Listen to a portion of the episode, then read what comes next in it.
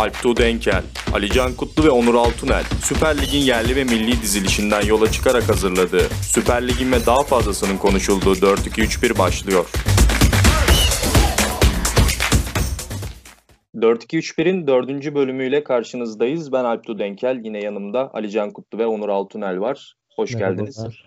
Merhabalar. Bugün yoğun bir gündemle karşınızdayız. Derbiyle başlayacağız sohbetimize. Beşiktaş 15 yıl sonra derbide kazanan taraf oldu Fenerbahçe karşısında. Ve şöyle bir şey de eklemek istiyorum. Instagram'da sorduğumuz sorulara, yaptığımız anketlere ilk 11 ile ilgili çok eleştiri gelmiş. Özellikle Caner çok verilen cevaplar arasında Caner ve Serdar vardı. Onu da araya sıkıştırmış olayım.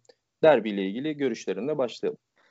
Yani doğal olarak e, Erol Hoca'nın şimdi oyun çok kötü olunca bir taraftan Fenerbahçe tarafından e, bunun üzerinden derbi konuşuluyor genelde benim gördüğüm. E, bunun üzerinden konuşurken de tabii ki bir hocanın yaptığı şey nedir? En göze çarpar, en gözle görülür, ilk bakışta yorumlayacağın şey ilk 11 tercihi. Ben çok sevmem ilk 11 tercihleri üzerinden maç yorumlamayı ama e, sorular da bu yüzden geldi. Buna biraz değineyim tabii ki. E, ilk 11 tercihi e, nedir? E, Caner'in olmaması bir ilk bakışta. Maç başlamadan önce 11'ler açıklanınca A Caner yok, A Serdar yok. Bunun dışında bir şaşırtan bir tercih olmadı. Şimdi Caner'le Serdar'ın olmaması ne ifade ediyor? Bir önceki hafta gerçi zaten Caner yine yoktu. E, Serdar. E, Serdar'la Lemos da zaten hani bir stoper tandeminin bir tanesi. Serdar kaç maç oynadı, Lemos kaç maç oynadı hemen hemen eşit maç oynamışlardır. Bir hafta oynuyor, bir hafta oynuyor.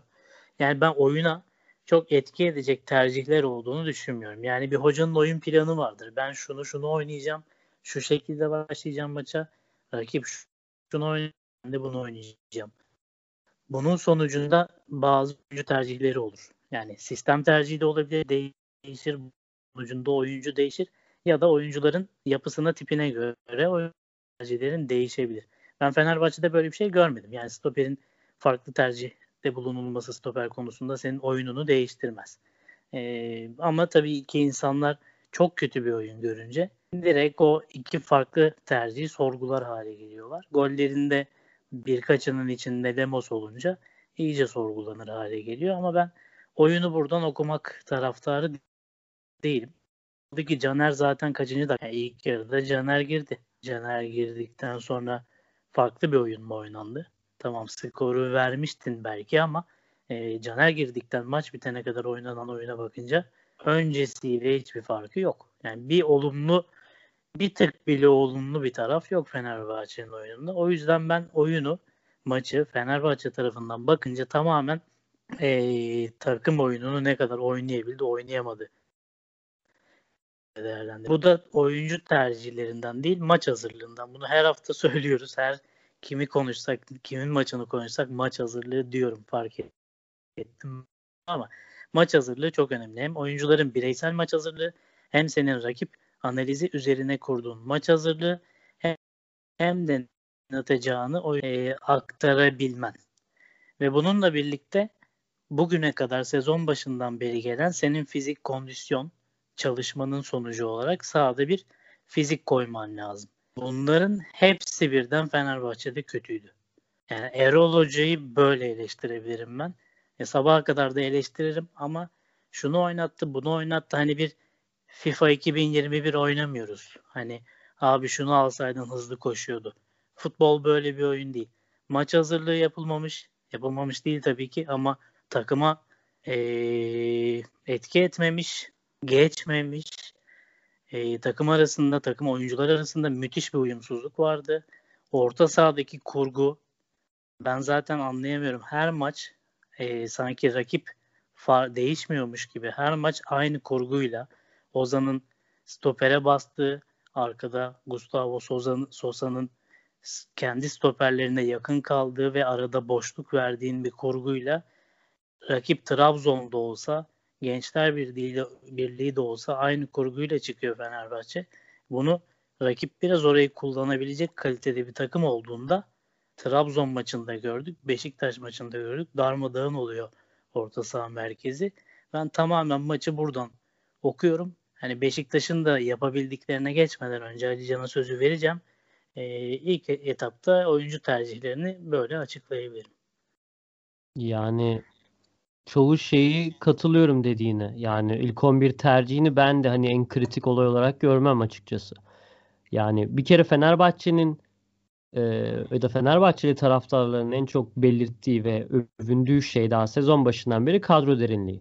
E, yani kadro derinliği bu kadar iyi diye konuşulunca ama sol bekte Caner oynamalıydı demek de hani bazen hani şey çelişki gibi varmış gibi geliyor bana açıkçası. Bütün bunu geçtim ama e, kesinlikle katılıyorum. Yani Caner zaten hani Perotti e, sahada yok gibi bir şeydi zaten sakatlanıp çıkana kadar. Sonra Caner e, 37. dakikada oyuna girdi. Yani yaklaşık maçın 3'te 2'sine vardı. Hele ki Beşiktaş'ın 10 kişi kaldıktan sonraki hani Fenerbahçe'nin teknik olarak kağıt üzerine daha üstün oynaması gereken zamanda da Caner sahadaydı. Hatta ve hatta asıl mevkisinde sahadaydı. Çünkü Caner aslında bir sol bek değil aslında. Hani sol e, kanat olarak kariyerine başladı. Sol açık bile oynadığını hatırlıyorum ben CSK Moskova'ya gittiği zaman kariyerinin daha en başlarındayken. E, yani defans anlamındaki yaşadığı sıkıntıları hani orada özellikle Gezzal'ın önünde Caner'i olduğunu düşünüyorum ilk yarıda. Bir fark olmazdı bence. Serdar Aziz e, tercihi belki biraz daha fazla tartışılabilir. E, yayın öncesinde de konuşmuş işte Gökhan Gönül'ün vurdurduğu kafa vuruşu var mesela Necip'in attığı golde. E, ben açıkçası Gökhan Gönül'ün hani e, sırf yeteneği sebebiyle o ilk 11'de oynaması gerektiğini düşünüyorum. Aynı zamanda da zaten hani kendi tercihim bu. E, orijini stoperse bir oyuncunun hani gerçekten hızlı ve sağ beke evrilmesi çok kolay gözüküyorsa o zaman ancak sağ beke sağ beke konulması taraftarıyım. Yoksa hele ki böyle bir maçta Lemos sağ bek oynadığı zaman Aa, bu adam niye sağ bek oynuyor Gökhan Gönül yedekteyken denilirdi bence. Daha da çok denilirdi. Yani Lemos yerine Serdar Aziz tercihi belki tamam daha mantıklı olabilirdi. Hele ki hani Türk yorumcuların şöyle bir e, olayı da var. İşte Türk futbolcular daha iyi anlıyor derbi olayını, o derbi hissini. E, daha tecrübeli olanların oynaması belki gerekebilir vesaire. Tamam bu hani kabul edilebilir bir e, yorum, bir öngörü. Ama e, Erol Bulut'un da kafasındaki stoper tandemi tercihinin Lemos ve Tisserand olduğu da bir gerçek. Ve uzun zamandır da böyle işliyordu. E, o yüzden ben bu ikiliyi bozacağını da pek düşünmüyorum. Yani Fenerbahçe'nin e, maçı ka- kaybettiğini pek düşünmüyorum şu anlamda. Beşiktaş gerçekten hani maçın neredeyse en başından itibaren hani ilk 5 dakikası dışında üstün olan taraftı. 10 kişi oynarken bile e, kafa kafaya Fenerbahçe ile oynuyordu. Beşiktaş'a zaten geçeceğiz şimdi. Beşiktaş'ın oynadığı futbol bence Fenerbahçe'nin zaten hani en baştan gal- galibiyet almasını hani e, pek el vermeyecekti gibi. Tabii ki Onur'un dediği orta sahayı oynatamama, oynatmama durumu sebebiyle. Şimdi zaten e, Beşiktaş'ın orta saha üçlüsü bence ligin en iyi merkez orta saha üçlüsü. Fenerbahçe'nin iki çok övülüyor ama Fenerbahçe'nin hem e, e, tamam isim olarak belki daha ünlü ve daha kariyerli isimlerden kurulmuş olabilir ama hem yaşları ileri hem temposu daha düşük oyuncular hem de fizik kalitesi daha zayıf oyuncular. Bu 3'e 3 çarpışmada bir de Ozan Tufan'ı biraz önde değerlendirip e, rakip stoperlere ya da oyun kurarken rakibe baskıya gönderdiğinde sen Gustavo ile Sosa Ozan'a yaklaşamadığında stoperlerin önünde kaldığında Beşiktaş bütün oyunu orada dengeledi. Yani uzun attığı toplar bile Fenerbahçe'nin stoperlerinin önünde Abu Bakar'ın indirmesiyle Beşiktaş'ın rakip yarı sahaya yayılmasına sebep. Orada bir zaten kopunca iletişim de kopmaya başladı Fenerbahçe'de. Ben çok net şunu hissettim. Bazen maçta maçı oynarken, futbolcuyken e, maçın gelmeyeceğini, bugün biz oynayamayacağız, bugün biz e, istediklerimizi yapamıyoruz hissine kapılırsın ve gerilmeye başlarsın. E, takım gerildiği zaman yıldız oyuncular vardır böyle. Genelde suçu onu hisseder. Bugün olmayacak o agresifliğini bazı takımdaki ya yaşça küçük ya da yeteneksiz gördüğü oyunculara böyle agresif davranmaya başlar. Fenerbahçe'de hemen bu başladı. Yani o orta sahadaki Gustavo Sosa Ozan'ın ve oyunu vermesiyle zaten kameralara da yansıdı. Gustavo Lemos'a sürekli kızar haldeydi. Gökhan Gönül e, oyunun koptuğunu gördü. O da sürekli sağa sola kızar haldeydi. Aslında e, yani bireysel hataların sebebi o oyunu vermek ve oyunu vermek sonucunda da o yaşanan güvensizlikti. Rolleri herkes kaybetti. Kimse ne yapacağını bilemedi. Lemos'un ruh haline baktığınızda e, müdahale edecek mi, etmeyecek mi, önde karşılayacak mı, karşılamayacak mı, Gustavo bana mı bağırıyor, bağırmıyor mu?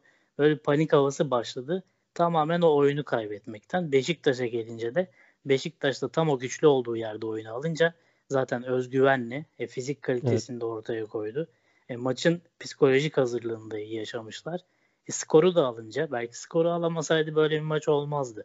Skoru erken e, alınca yani Fenerbahçe ilk 5 dakikada iki pozisyon buldu. Onlardan biri gol olsaydı belki bambaşka bir maça dönecekti ama skoru da alınca oyununu iyice güçlendirdi. Maç bambaşka bir hale geldi. Fenerbahçe'nin de psikolojik hazırlığı zaten düşük. E, bunun üstüne de öyle oyun kopunca iyice kameralara yansıyacak kadar bence psikolojik bir düşüş Hı. yaşadılar.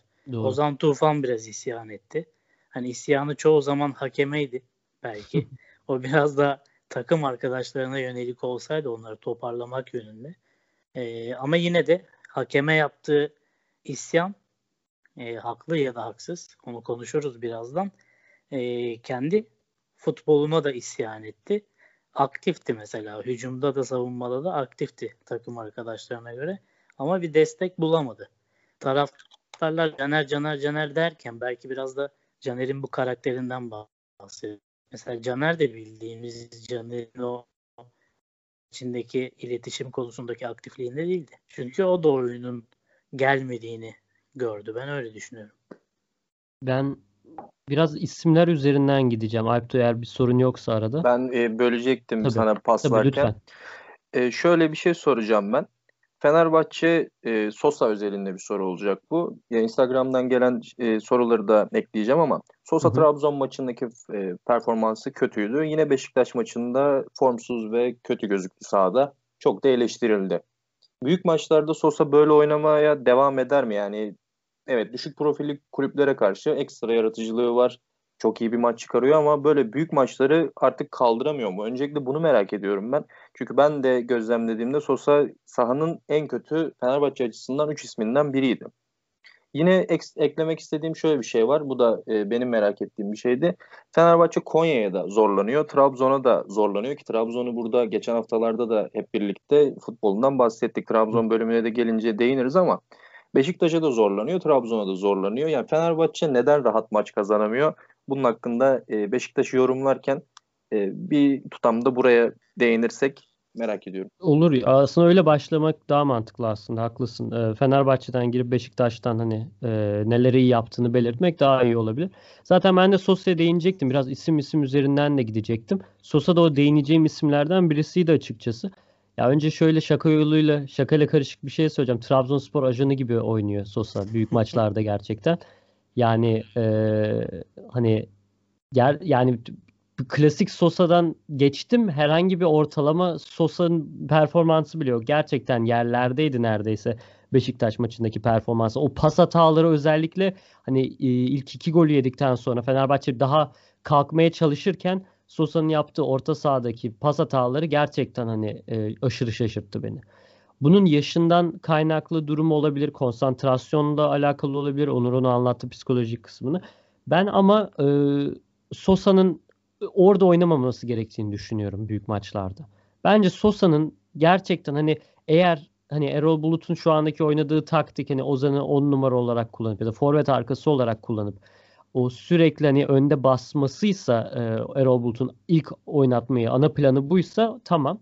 Ama bunu işlemediğini görünce Erol Bulut'un boyunu değiştirmesi gerekiyor. Ki bence Fenerbahçe'nin sorunu yine buydu. Yani hani diyorduk ya biz hep hani sürekli orta açıyorlar. Caner üzerinden oynuyor Fenerbahçe vesaire. Hani akan oyunda evet. e, bir bir akı, bir başarısı yok diye. E, akan oyunda yine bir başarısı yoktu. E, orta da yoktu maçta. Yani Fenerbahçe'nin bir hücumdaki yaratıcılığı yoktu neredeyse. O zaman Erol Bulut'un buradaki eksikliği e, benim gözüme çarptı.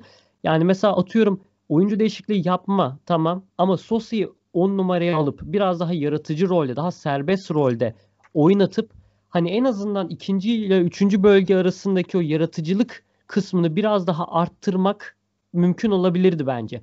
Ozan'ı hiç durmadan hep o önde basan 10 numara olarak kullandı Erol Bulut maç boyunca ve bence asıl sıkıntı yaratan buydu. O yüzden bence Fenerbahçe gol bulmakta zorlandı ya da genel olarak büyük takımlara karşı da herhangi bir maçta zorlanabiliyor. Çünkü rakip takım ana planını Fenerbahçe'nin çözebilirse Fenerbahçe kilitlemek mümkün. Fenerbahçe kilitlemek mümkün olunca Fenerbahçe daha fazla risk alacak. Özellikle savunma hattını daha öne çıktığını varsayarsak. E, o zaman kontra ataklarla ya da işte e, duran toplarda ya da farklı şekilde Fenerbahçe'ye de gol atmak daha mümkün oluyor. O yüzden Fenerbahçe böyle sıkıntılar yaşıyor. Beşiktaş ve Sergen Yalçın gerçekten inanılmaz bir maç çıkardı bu konuda. Yani e, oyuncu oyuncu bazında gitmek gerekebilir. Yani en başta e, savunma hattında hem Rıdvan hem Rozier gerçekten bek anlamında çok iyi işler yaptı. Çünkü e, Sergen Yalçın da belli ki bunu söyledi e, beklerine hem Rıdvan'a hem Rozier'e. Çünkü olay şuydu. Rakiplerinin yani Fenerbahçe'deki kanat oyuncularının e, klasik kanat oyuncuları olmadığı aşikar. Her iki Perotti çıktıktan sonra. O yüzden e, biraz daha içeriye gelen özellikle Pelkas olunca e, Rıdvan o kanadı iyi kullanabildi. Caner'i bir şekilde Rozi'ye e, ekarte edebildi ve kontra ataklarla Rozi'ye topu çok iyi çıkardı. Çok iyi toplar da kesti. Hatta o akrobatik top ke- şey pası kesmesini de görmüşsünüzdür diye tahmin ediyorum. Çok garip böyle kung fu hareketiyle atladı böyle havadaki topu kesti. E, o da çok ilginçti gerçekten. Onun dışında Joseph orta sahayı çok iyi toparladı. İyi pas dağıttı. Savunmada e, stoperlerin arasına gerilerek Rıdvan'ın da Rozier'in de öne çıkınca e, üçlü bir savunma hattı yarattı e, Beşiktaş adına ve kontraları, olası kontraları öyle savurabildi Beşiktaş. E, Mensah bence en zayıf noktaydı maçta. Larin'in sol kanat performansı nasıl böyle oldu bilmiyorum. Sergen Yalçın ne anlattı da bu çocuğa böyle oynuyor Larin bilmiyorum. Çünkü Belçika'da bile ben sürekli Belçika'yı izliyorum. E, TR Scouts'ta e, bölgelerimden birisi olarak. Yani Larin'in e, gösterdiği o performans özellikle kanat destek olarak verdiği performans çok başarılıydı ama Gezzal'la Bakar maçın yıldızlarıydı. Yani o ikisini durduramadı Fenerbahçe bence. E, hele ki Gezzal gerçekten asistleriyle yaptığı şeylerle e, yani teknik kapasitesiyle gerçekten hani Leicester'da neden transfer olduğunu falan gösterdi bir nebze. Abu Bakar'ı da durdurabilen olmadı. Bence Beşiktaş komple takım olarak çok iyi oynadı.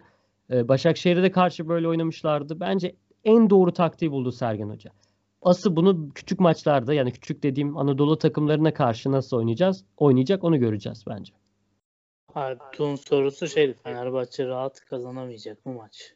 Öyle bir cümle vardı sorusu. Ya bu maç değil ama genel olarak neden kazanamıyor tarzı. Ben de onu işte tek şeye bağladım. Hani tek oyun planı ya da değişiklik oyu olmamasına. İşte aslında Beşiktaş'ın da sorunu. Şimdi Beşiktaş'ın yapabildiğini Fenerbahçe'nin yapabilmesi gerekiyor. Beşiktaş'ın yapabildiği şey ne? İkinci bölgede rakibi karşılayıp e, Anadolu takımlarına karşı mesela zorlanıyor. Çünkü böyle oynayamıyorsun. Rakip senin üstüne böyle açılarak gelmiyor. Onun için Beşiktaş Başakşehir'e karşı da Fenerbahçe'ye karşı da başarılı oldu.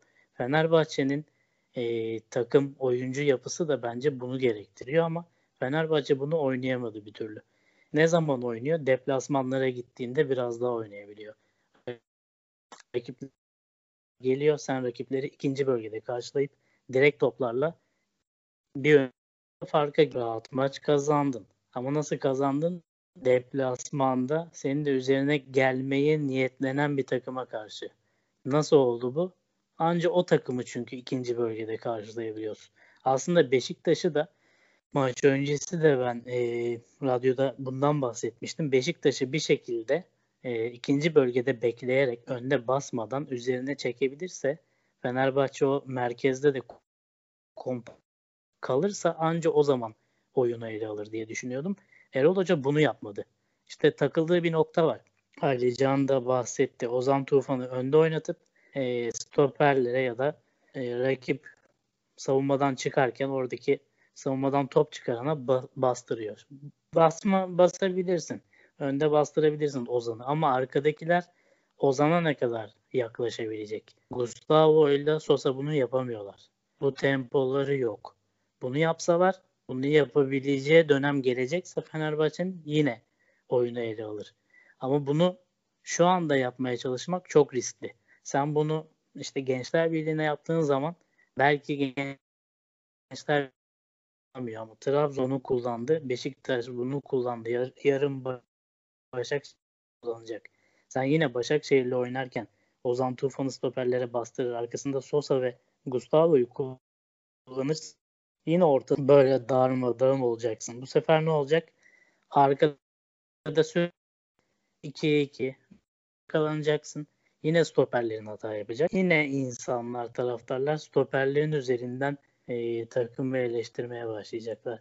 Tam işte Fenerbahçe'nin bütün sorunu bu ve bu büyük maçlarda çıkıyor ortaya. Daha e, Anadolu takımlarına karşı bu çıkmayabiliyor. Hatta deplasmanda olduğunda da ikinci bölgede karşılama için iyi yapabildiğin için farka da gidebiliyorsun. E, Beşiktaş bunu her maç yapıyor. Beşiktaş bunu büyüklerle de oynarken yapıyor. Fenerbahçe ile iç sahada da oynasa yapacak. Topu Fenerbahçe'ye bırakacak. Ama Fenerbahçe henüz bunu e, büyüklerle oynarken yapmaya ikna olamadı. Ya Erol Hoca bunu denemiyor, vazgeçiyor büyüklerle oynarken e, ya da oyuncularını henüz geçiremedi. Ben temel sorunun Beşiktaş'ın da bu kadar iyi olmasının sebebini bu iki takımın eşleşmesinden kaynaklı olduğunu düşünüyorum. Derbi tarafını toplarken Başakşehir maçına geçeceğim. Ee, benim düşüncemde Fenerbahçe'nin geçen hafta siz söylediğinize katılıyorum. Fenerbahçe'nin herhalde Anadolu kulüplerinden e, puan alma potansiyeli en yüksek takım olması e, bu e, uzun fikstürde en büyük avantajı bu herhalde kadro yelpazesiyle. Onun haricinde oyunuyla bir ekstra göstermiyor bize geçen haftalarda. E, haftanın en sansasyonel maçı Başakşehir maçıydı. Başakşehir ikinci yarıda yediği 3 golle ve hatta son dakika 7 dakikada yediği 2 golle e, 3-3 bitti. Bir puana razı oldu demek çok klişe olacak ama yani maçı devam etseydi belki de hani Denizli Spor e, fazlasıyla yükleniyordu. Belki de maç dönebilecek potansiyeli gelmişti. E, maçı bitirdi 11 ki Okan Hoca çok geç yaptı belki de. Benim kendi eleştirim bu yönde değişiklikleri. İşte La, Ravil, Tagir, Giuliano, Berkay gibi oyuncular e, girdikten sonra Başakşehir'in ki Berkay 11 oyuncusu normalde ama Başakşehir'in bütün direnci kırılmaya başladı oyunun son bölümünde. Devamında da Denizli Spor ard arda golleri buldu ki Şikirter'in pozisyonunda çok herhalde amatörce diyebileceğimiz bir penaltıydı. Açık bir şekilde e, kafa topunda dirsekle müdahalesi var rakibine. Başakşehir maçı hani 3 puanı kaçırdı mı diyeyim yoksa geçen hafta eleştirdiğimiz gibi mentalite mi yanlış e, Avrupa'ya mı çok odaklanıyorlar diyeceğim ama Avrupa'da da gidişat son maçta iyi oynadı da diyebilirim ama tabii ki kalite farkı vardı. E, Başakşehir maçıyla Alican'la başlayalım bu sefer. Başakşehir Denizli Spor 3-3. Ya saçma sapan bir maçtı ya sonu. Neydi gerçekten öyle? Yani şöyle söyleyeceğim. Geçen hafta şey sormuştun Alp yanılmıyorsam. Hani e, oyuncu tercihi falan Okan Buruk'un e, sorun olabilir mi diye. Hani o o sebeple mi puan kaybetti ya da yenildi E, diye o tarz şeyler sormuştu. Bu hafta da bence çok büyük bir sıkıntı yoktu aslında oyuncu tercihlerinde. Yalnızca Deniz Türücü sol bek olarak niye tercih ettiğini anlamadım. Yani orada Deniz Türücü olmak zorunda değildi. Deniz Türücü hele ki 3-0'dan sonra Visca yerine belki de Deniz'i kenara alabilirdi. Ki e, 3-0 bulana kadar da zaten hani maç Başakşehir'inde. Yani bayağı 3-0'ı bulduktan sonra bu, bulana kadar Başakşehir hani gerçekten çok iyi top oynadı.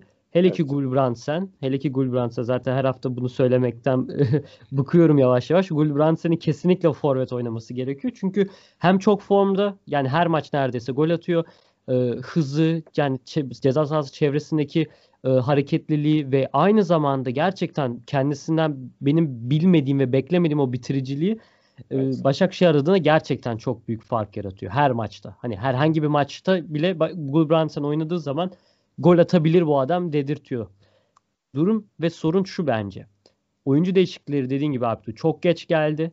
Aynı zamanda Başakşehir dedi ki tamam biz puanı aldık yeter. Biz galibiyeti aldık. Yani o rahatlığı gördüm ben sahada. Yani oyuncuların o konsantrasyonu 3-0 olduktan sonra tamamen çöktü.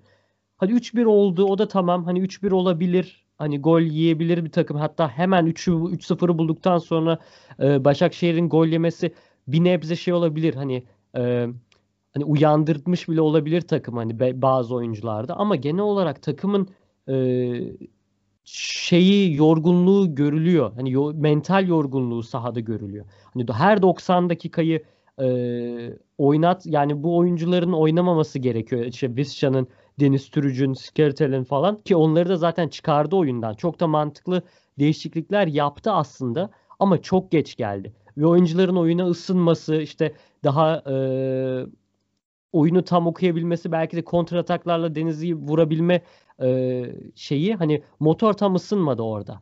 O yüzden öyle olunca Denizli de zaten daha da bastırınca hiç korkmadan oynadı bu arada Denizli. Onu da tebrik etmek gerekiyor gerçekten yani Kenan Atik'in e, takımını. 3-3'e gerçekten Başakşehir bir şekilde e, kabul etmek zorunda kaldı. Çünkü dediğin gibi daha fazla gol olabilirdi. Yani penaltı oldu tabii ki. Orada e, puanı verdiler. Do yani ben savunmadaki sıkıntıların da olduğunu düşünüyorum. Yani Başakşehir'in o çizgide bence bir sıkıntısı var. Tam e, bir stopere ihtiyacı var bence. E, Başakşehir'in biraz daha böyle e, nasıl söyleyeyim peak'ine yakın artık hı hı. o kadar yaşlı oyuncular yerine daha böyle e, belki Şampiyonlar Ligi tecrübesi almak isteyen ya da işte ne bileyim daha üst seviyede kendisini kanıtlamak isteyen belli bir profildeki oyuncu alması gerekiyor bence savunmaya. Onun dışında Başakşehir'in yani puan kaybetmesi e, şimdilik daha ya olur diye düşünüyorum. Şampiyonlar Ligi'nden elenirse şayet ki öyle gözüküyor ya da Avrupa'dan bence Başakşehir'in bu tarz puan kayıplarını yaşayacağını düşünmüyorum. Onur'a vermeden sözü sana şunu da sorup devamında Onur'a vereceğim Hı-hı. sözü. E, merak ettiğim bir konuda Hasan Ali bana kalırsa hazır bir oyuncu değil. Hatta ilk 11'de yazılmıyor. Güvenilir bir oyuncu değil e, maça etki edemeyen ofansif yönde hatta defansif hatalarıyla da birleşince sol bekte büyük sıkıntılar yaşanıyor. Oynadığı maçlarda gördük zaten 30. dakikalarda çıkarıldı falan olmuştu önceki maçlarda. Ama Okan Hoca Deniz Türüş'le başladı. Sol bek orijinli olmayan bir oyuncuyla başladı maçta yanılmıyorsam 69'da evet. e, Hasan Ali'yi güvenmediği bir futbolcuyu Deniz Türüç'ü belki dinlendirmek artık yorulduğu için olabilir fakat e, Hasan Ali'yi tercih etmesini nasıl buluyorsun? Deniz'de gidiyordu bir şekilde maç. Stopper yani şey sol bek orijini olmayan Deniz'de başlıyorsun ama sonra sol bek dahil ediyorsun. Dakika 69 olmuş. Hasan Ali'yi yıkmak istemiyorum topu ama hani güvenmediğim, performansını sorguladığım bir oyuncuyu zaten 3-1 olmuş bir maçta neden değiştiriyor? Buna belki bir şey söylemek yani, isteyebiliriz. Yani hayır en, en anlamadığım değişikliklerden birisi de oydu. Çünkü şöyle düşün hani e, NBA'de basketbolda özellikle şey vardır. Depth chart denilen hani böyle e, pozisyon pozisyon hani e, ilk 5'te kim başlayacak onun yedeği kim yedeğin yedeği kim diye. Amerikan futbolunda da vardır. Hı hı. Böyle bakınca Başakşehir'deki asıl sol bek hani e, şu son haftalardaki formsuzluğu sebebiyle kesildi diye tahmin ediyorum. Ama normalde e, Boli Bolingoli yani Celtic'ten evet. gelen oyuncu. E, ikinci sırada ben Cemali vardı diye tahmin ediyordum. Çünkü hani yedekten giriyordu. Hani şu ana kadar daha çok Cemali oynuyordu genç e, sol bek ki kendisi potansiyelli bir sol bektir. Yani Cemali'nin e, yeteneği de çok yüksek. Bence oynaması gereken bir oyuncu. Ama hani Deniz Türüç'le başladı. O zaten şaşırtıcı. Çünkü sol bekte hani tam dinlendirebileceği bir maçtı aslında. Hani Deniz ya da Edin Visca'yı. Ekstradan oraya e, sol bekte başlattırması hani savunma yaptırtması Deniz'i hem alışık olmadığı bir pozisyonda oynaması saçma hem de ekstradan daha fazla efor sarf etmesi gerekiyordu arka tarafta savunmada. Çünkü hem ileriye gidiyor hem geriye koşuyor. Ekstradan mesafe kat ediyor. O da saçmaydı. E, zaten hani Cemali gibi bir yedeğin varken aynı zamanda Boli Bolingoli gibi sürekli hani her maç oynayan bir oyuncu varken niye Deniz'i çıkarıp Hasan Ali'yi aldı gerçekten bilmiyorum. Hani e, belki dedi ki tam 3-0'ı buldum artık. Hani biraz da Hasan Ali oynasın belki form tutar falan dedi. Ama yani e, mantıklı bir açıklaması yok. Eğer bir hani bu depth chart'ta Hasan Ali en son sıradaysa Cemali'yi sokmalıydı mesela. Çünkü yedek sol bek o gibi gözüküyor. Eğer Bolingoli'yi evet. dinlendiriyorsa. Yani garip. Bana da garip geldi. Bazı tercihlerini anlamadım Okan Hoca'nın.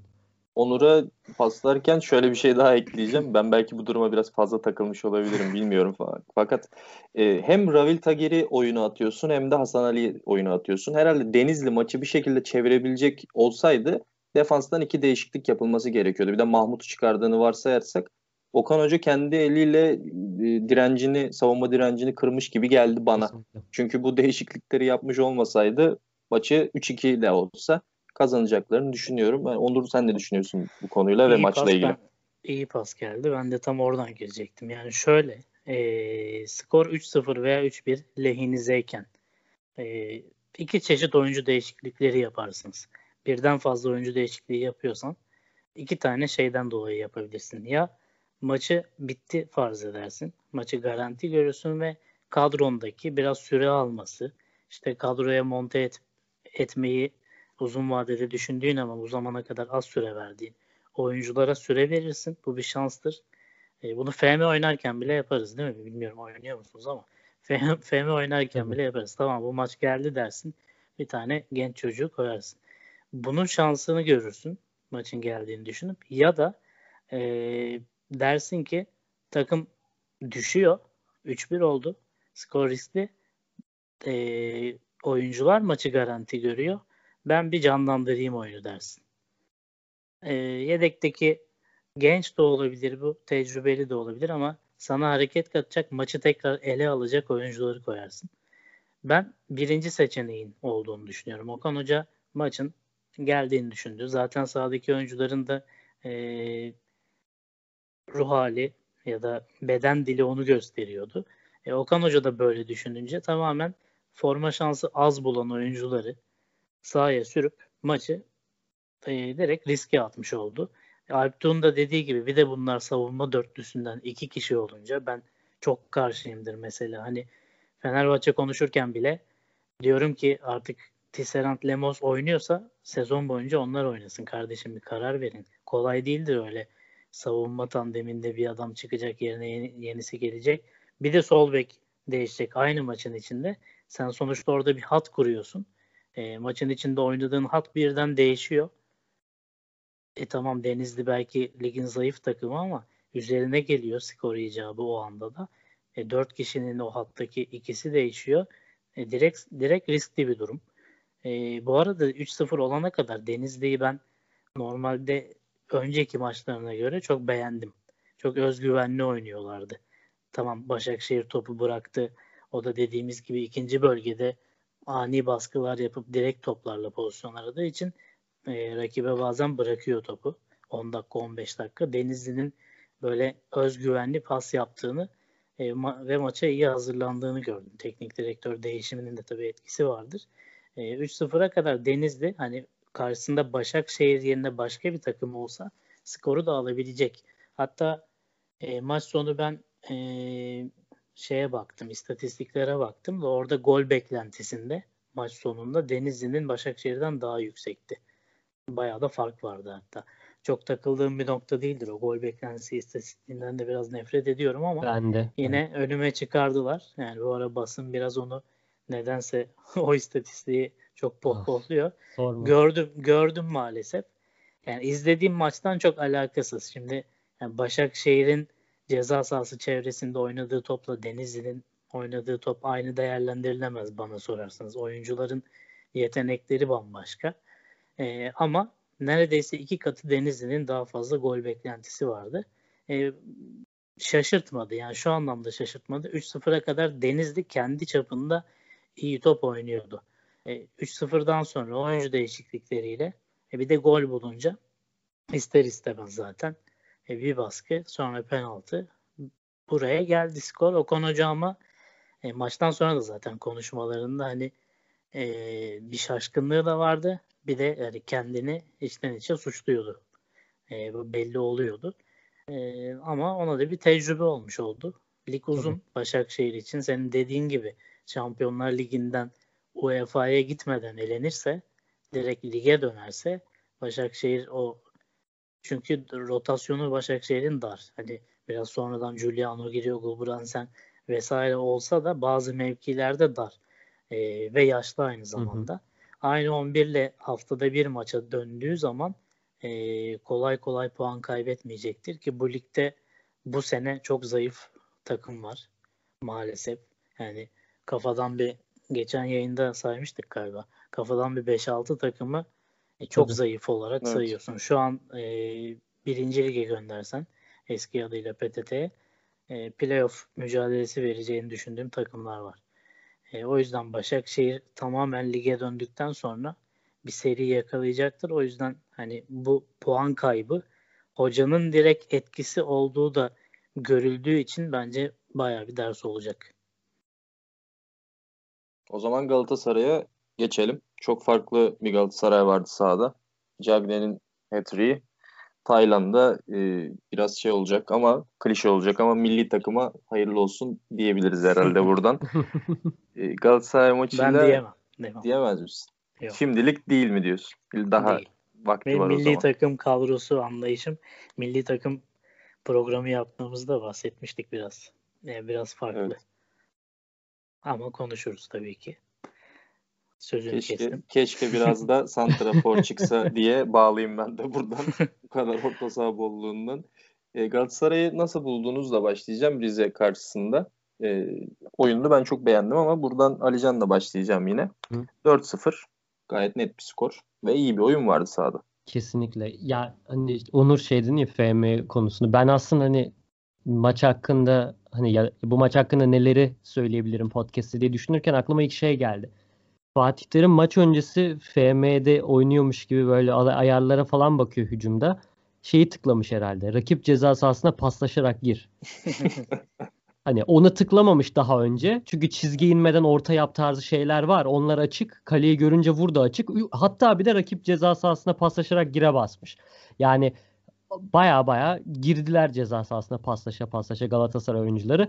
Cagne hani o golü de atamasaydı, o golleri de atamasaydı hani herhalde yani fiyasko diye ta- şey tabir edebileceğimiz bir transfer olarak görülürdü ama biz herhalde. ama biz bunu konuşmuştuk hatırlıyorsundur. Tabii. Bu İşte ceza tam oraya paslaşarak gir muhabbetini Galatasaray özellikle Aynen öyle. Ya Hı hı. durum şu yani hani geçen hafta bunu aynısını dedim. Hani sen de söyledin bunu. Hani Galatasaray pas yapıyor tamam ama sadece ceza sahası yani ikinci bölgede ya da rakip yarı sahada böyle yavaş yavaş sağa sola öne arkaya paslaşarak e, bir şeyler üretmeye çalışıyorlardı. Ama o son hamleyi o üçüncü bölgede tehlike yaratacak pasları bir türlü beceremiyordu. Ya da yapmıyordu belki de. Ona göre oynayamıyordu ama bu maçta gerçekten onu becerdi Galatasaray. Yani oyuncuların bütün e, hem hareketliliği, Fegüli'nin o pozisyonda daha yaratıcı pozisyonda e, belki de alışması, doğru rolü bir şekilde bulması çünkü kanatlarda gerçekten hani Fegüli yok. E, Oğulcan'ın kanat forvet olarak ya da ya özür dilerim kanat oyuncusu olarak doğru gerçi hem kanat forvet gibi öne geldi hem işte destek yarattı böyle. Hafif Kenan Karaman'ımsı bir ona benzer hani ona benzer bir rolde bir şeyler yaratmaya çalıştı. Belki Fatih Terim öyle bir şey bile demiş olabilir. Ve tabii ki Taylan'ın gerçekten hani hem savunmada hem orta sahada tam Regista gibi oynaması Galatasaray'ı yani e, önemli bir galibiyet almasını sağladı. Yani 4-0 çok net bir galibiyet. Ben şunu söyleyeceğim. 12 Eylül'deki e, Gazi Antep maçından beri Galatasaray'ın bu kadar iyi oynadığını görmemiştim. Geçen hafta iyiydi Kayserispor karşısında ama bitiricilik anlamında, yaratıcılık anlamında hücumda sıfırdı. Galatasaray bunu e, Çaykur Rizespor gibi kadrosu gerçekten e, hani Anadolu standartlarının bir tık da üstünde olan hani e, bu ligimizdeki bütün o takımlardan dedin ya e, PTT'de bile e, playoff oynayamayacak takımlar var dedin Onur. Yani onların kat kat üzerinde bir takım kalitesiyle e, karşı Galatasaray'ın böyle oynaması gerçekten hani aa tamam Galatasaray hani kendi oyununu buldu gibi gözüküyor. Deplasmanda bunu yapması, önemli oyuncularıyla bunu olmadan bunu yapması başarılı. Hani biz şey dedin ya bir de Onur hani Beşiktaş doğru şeyi yaptı. Hani Fenerbahçe daha çok topu bıraktı, biraz daha kontralarla vurdu vesaire diye. Türkiye'de öyle bir durum var. Hani büyük takımları yenmek için daha böyle kontralarla vurursun. Hani savunma çizgini falan daha geriye çekersin vesaire. Galatasaray e, bayağı hücum futbolu oynayarak kazandı. Yani bu çok Türkiye'de alışık olduğumuz bir şey değil ya da en azından bu sene alışık olduğumuz bir şey değil. Bunu ne kadar oynayabilecek?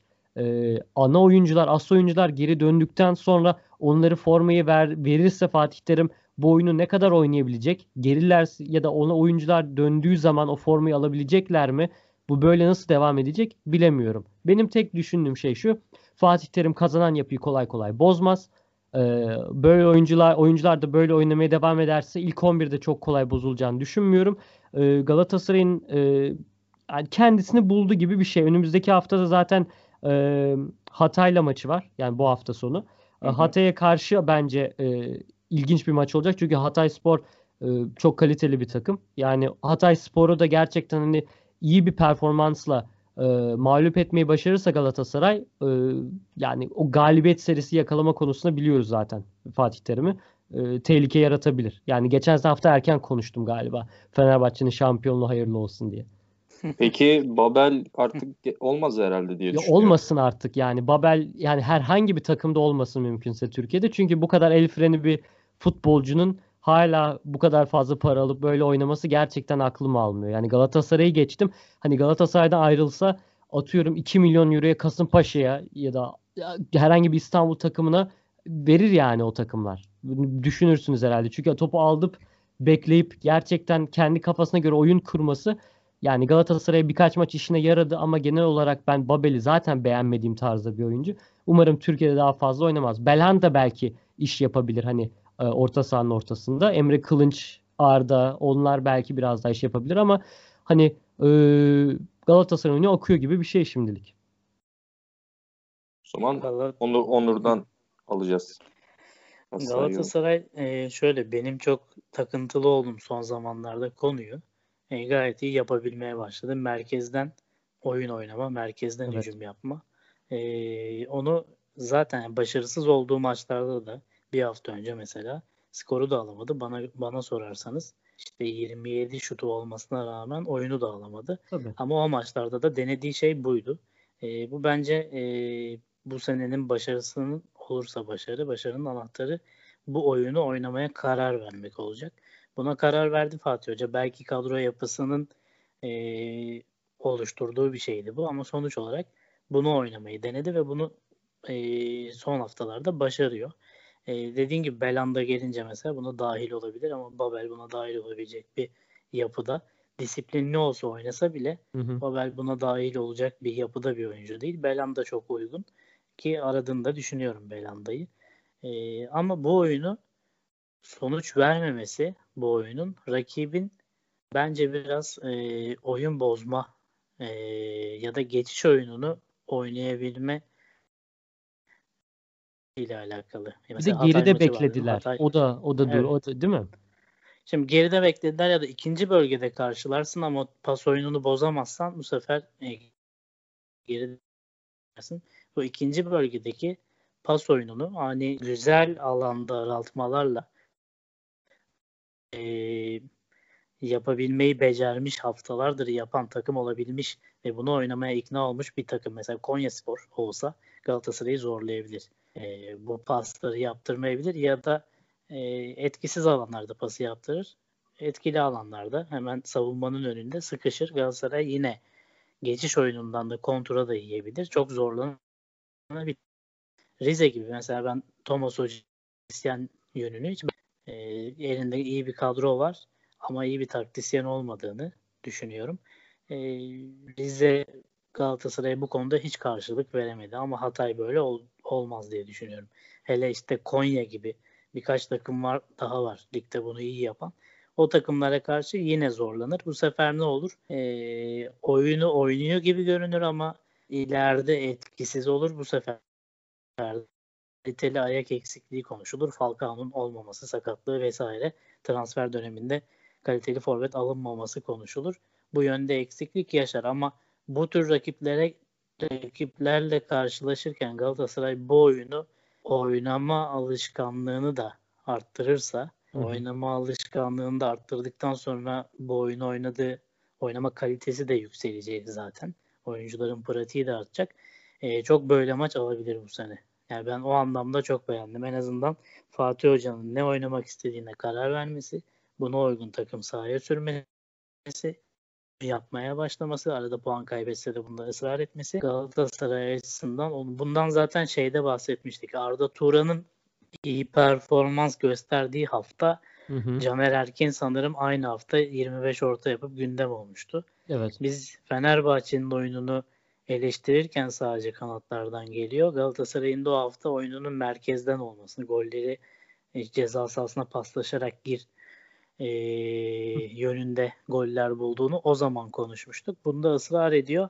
Puan durumunda da e, yani o kadar sen de dedin Fenerbahçe'nin şampiyonluğu e, şakayla karışık demiştin geçen Evet. hafta. E, Fenerbahçe ile Galatasaray'ın puan durumundaki şu andaki durumu ortada.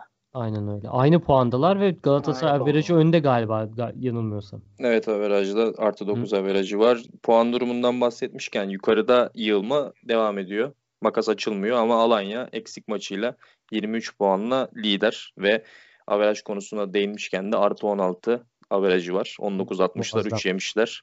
Gerçekten çok iyi ilerliyorlar. Alanya Konya'yı ağırladı. 1-0 galibiyetle ayrıldılar maçtan. Yine 3 puanı yazdırdılar diyeyim kısaca. 36'ya kadar diri bir Konya vardı. Yani e, açık vermediler savunmada. Ama 36'da ilk defa takım halinde rakip kaleye gittiler. Rakip ka- 3. bölgeye diyeyim. Rakip kaleye de gidemediler aslında ama ilk defa açık verdiklerinde pozisyonun devamında Efecan'ın sürüklediği, Efecan'ın sürdüğü topun devamında Alanya golü buldu yani. ilk defa Konya açıldığında Alanya golü buldu ve maçın yine devamı bence ikinci yarısı özellikle kör dövüşü diyebileceğim tabiri caizse şekilde oynandı ve Alanya 1-0 maçtan galip ayrıldı ama Konya'da şey hakkını vermek istiyorum. Çünkü çok sakatlıkla uğraştı maç boyunca. Zorunlu değişiklikler yapmak zorunda kaldı ama yine e, rakibin ensesinde oynayan sert futbolunu sahaya yansıttı. Alanya'ya da çok ödün vermediler. E, maç farka gitmedi ama Alanya yine göze hoş gelen bir futbol oynadı. En çok dikkat ettiğim benim şeyde e, bilmiyorum istatistiklerde nasıl ama e, bazı takımlarda mesela sol bölgeden ekstra hücum ederler Fenerbahçe gibi. Ama ya bay- genelde öyle oluyor diye düşünüyorum. Bir kanadı çok kullanıyorlar. Alanya nedense her pozisyonda farklı kanadı kullanarak çok enteresan bir futbol oynuyor ve bu benim gerçekten hoşuma gidiyor. Bilmiyorum istatistiklere nasıl yansıyor ama e, durum böyle. Ben böyle görüyorum ve hoşuma giden bir durum. Alanya, Konya, Onur ne diyorsun? Alanya devam eder mi böyle? Ya şimdi Alanya bu oyununu oynamaya devam eder. Puan durumunda devam eder mi etmez mi bilemem. Onu zaman gösterecek. Ligde bu sene. Ama bu oyunu oynamaya devam eder. Kadro yapısı ve teknik direktörün oyun anlayışı. Geç, geçen senelerden e, oturmuş mantalitenin üzerine böyle krema gibi oldu. Şimdi e, yayının başından beri övdüğümüz şeyler karışımı Alanya'da mevcut. Hem senin de dediğin gibi e, geçiş oyunu, ilk golü nasıl attığını, golü nasıl attığını söyledin. Konya üzerine geldiği anda bir tehlike yaratacak gibi oldu. Dönüşünde gol yedi. Yani ikinci bölgeye ya da kendi birinci bölgesine rakibi çektiği anda Alanya çok tehlikeli bir takım ve bunu direkt merkez hücumuyla da yapıyor. Kanatlardan da soldan da geliyor, sağdan da geliyor. Hepsi onlar için bir silah. Yani mesela e, bazı takımlarda direkt merkez hücumları silahtır. Bazı Evet. takımlar tamamen kanat oyunları üzerine kurulmuştur. Şimdi Alanya Spor'un gol dağılımını bilmiyorum ligde attığı ama ben şöyle gözümde oyununu canlandırdığım zaman çok gezgin bir ileri e, hattı var zaten. Yani stabil bir mesela pivot santraforla oynamıyorlar ve hücumda oynayan her oyuncu hem forvet hem e, kanat forvet gibi oynayabiliyor ve bunlar maç içinde de tam olarak nerede kim oynuyor çok da bazen e, birbirine giriyor olumlu anlamda. E, bunu marke etmek çok zor. Hele öyle bir de e, savunmada iyi durup da hızlı hücumlarla üzerine geliyorsa zaten Konya'nın yaşadığını yaşıyorsun ki biraz önce işte Galatasaray Konya örneği vermiştim. Konya bunu e, iyi yapan takımlardan. O savunma duruşunu, pozisyon yememe becerisini iyi gösteren takımlardan biri olmasına rağmen Alanya bunu da bir şekilde maç içinde bir kere çözüp sonrasında da savunma yönlerini gösterdi. Daha önceki maçlarda ben o kadar net görmemiştim Alanya'dan. E, yaslandığı zaman pozisyon vermemeyi ve o hani Hı hı. bazı takımlarda olur. Yaslanır ama bu oyunculara rahatsızlık verir. E, topu alıp oynamak isterler. Hiç bundan gocunmadan gayet geride bekleyerek e, ileride fırsat kovaladılar. Bir iki bulur gibi oldular. İkiyi bulamadılar. E, yine kazanmış oldular. Ama yani hem hocanın, hocanın zaten benim e, özel ilgi alanıma giriyor. Çağdaş Hoca Beşiktaş'tayken e, takip etmeye başladığım bir hocaydı. E, kenardaki duruşunu izlemeye ben e, Beşiktaş maçlarına gidiyordum. E, onu izliyordum. Çok aktif ve e, çok düşünen bir hoca. Bunu da e, sahaya yansıtabileceği çok çeşitli bir takımla eşleşti ilk teknik direktörlüğü deneyiminde. E, zevkle izliyorum. Şampiyonluk konusu bambaşka bir şey. bu topu oynamaya devam edeceklerine ben eminim ama şampiyonluk konusunu belki biz işte yeni yılın bir iki ayı daha geçtikten sonra artık konuşmaya başlarız. Daha çok yani var konuşamayız zaten. belki. Tabii. Yani şu an onları zaten bu şampiyonluk yarışını konuşmak Alanya için değil hiçbir takım için bence tam doğru değil. Kesinlikle. Yani ileride kopma olmadı. Demin öyle dedik. E, kopma olmayacaktır kolay kolay zaten. Kopma olsa da bence suni bir kopma olur. Yani 8 puan öne geçer. 6 puan geçer. Maç eksikleri maç eksikleri var bu sene zaten. 9 geçer, 11 geçer ama e, bu çok belirleyici olmayacak bence bu sene. Hı hı, hı. Ben Alanya Spor hakkında çok uzatmayacağım. Ee, birkaç birkaç noktaya parmak basmak istiyorum. Çağdaş Hoca'nın e, oynattığı Onur'un da dediği gibi o pozitif hücum futbolu gerçekten e, göze çok hoş geliyor. Özellikle pozitif hücum futboldan da kastım şu, e, hücumdaki oyuncuların e, belli rolleri var. E, kendilerinden beklenilen e, belli başlı yapması gereken aksiyonlar var. Çağdaş Hoca'nın büyük ihtimalle belirttiği öndeki dörtlüye. Ama onun dışındaki dediğin gibi Onur yani oyuncuların sürekli değişmesi, kanatların değişmesi, pozisyonlarının değişmesi, o hareketlilik artı e, hücumdaki efektif bitiricilikle Alanya Spor maç kazanmasını biliyor. Yani bu önemli bir refleks. Yani hani çok uğraşırsın, çok şut çekersin, gol olmaz ama e, daha iyi oynadın demek çok mümkün olmaz belki de. Alanya Spor gerçekten hani iyi oynadığı zamanlarda e, maçın tamamında iyi oynamasa bile belli yerlerde iyi oynadığı zaman o golü bulması zaten Alanya'yı şu anda lider yaptı. Yani iyi bir bitiriciliği var oyuncuların demiyorum ama e, öyle pozisyonlar yaratıyor ki oyuncular takım arkadaşları adına veya kendilerine gol atmama gibi bir durumları olmuyor oyuncuların. Yani üf ne gol attı be ne, birden hani yoktan var etti diyeceğimiz şeyler değil Alanya Spor'un attığı gollerin çoğu. Gerçekten uğraşıp didişip e, kreatif anlamda bir şey yaratıyor Alanya Spor e, 3. bölgede ve bu yüzden böyle başarılar. 19 golleri var e, Alp Tuna dediği gibi. Ama e, bir de defansa da belirtmek istiyorum. Yani inanılmaz bir savunma. Yani hem e, set e, set savunması yaptığında çok iyi duruyorlar hem de kontrol atakları iyi savuşturuyorlar. Benim şurada şunu belirtmem gerekiyor. Arkadaki dörtlü yani savunma dörtlüsü Juan Fran Colker, Zavelas, Mubanj dördü de yüksek profilli oyuncu. Ya da şöyle söyleyeyim. E, Türkiye Süper Ligi'nin üzerindeki profilli oyuncular. Buraya geldiklerinde de öyleydi. Kariyerleri de öyle zaten. Juan Fran zaten hani İspanya'da bilinen bir e, ya da işte en azından başarılı bir sağ bekti. Watford'a gitti daha önce. Yani İngiltere'de Premier Lig'e transfer yapmışlığı var. Mubanj zaten Dinamo Zagreb'ten kiralık geldi. Kendisi de hem Fransa'da hem e, Hırvatistan'da başarılıydı. Kolker zaten bilinen bir isim. Kendisi çok da yaşlı değil. Sadece 28 yaşında yanılmıyorsa. E, yani Liverpool'da e, yanılmıyorsam yok Tottenham altyapısından çıktı ama e, Liverpool'da da oynamıştı belli bir süre. Queen's Park Rangers'ta başarısı vardı. Savellas Frankfurt'tan ben tanıyorum kendisini daha önceden. Yani dördünün profili yüksek. Ama dördünün birlikte bu kadar iyi oynaması tamamen Çağdaş Atan'ın bence yarattığı sistemden kaynaklanıyor. Ee, dediğin gibi Onur. Alanya böyle oynamaya devam eder. Bence golleri de bulur.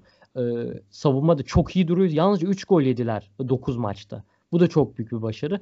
Ee, ya Alanya böyle devam eder. Ya tabii ki hücumdaki durumu ne olur? Rakip takımlar Alanya'yı ne kadar çözebilir ayrı bir mesele ama Alanya'nın oynadığı futbol gerçekten ligde şu anda en olumlu futbol denilebilir. En istikrarlı ve olumlu öyle diyeyim. Yani Alanya'yı durdurmak istiyorsa Anadolu takımlarının Alanya ile oynarken üç büyüklerden biriyle oynuyormuş hmm, maç mantalitesine bürünmesi lazım. Ortada tamam. bir maça döndüğü zaman Alanya her zaman senden daha fazla pozisyon bulacaktır.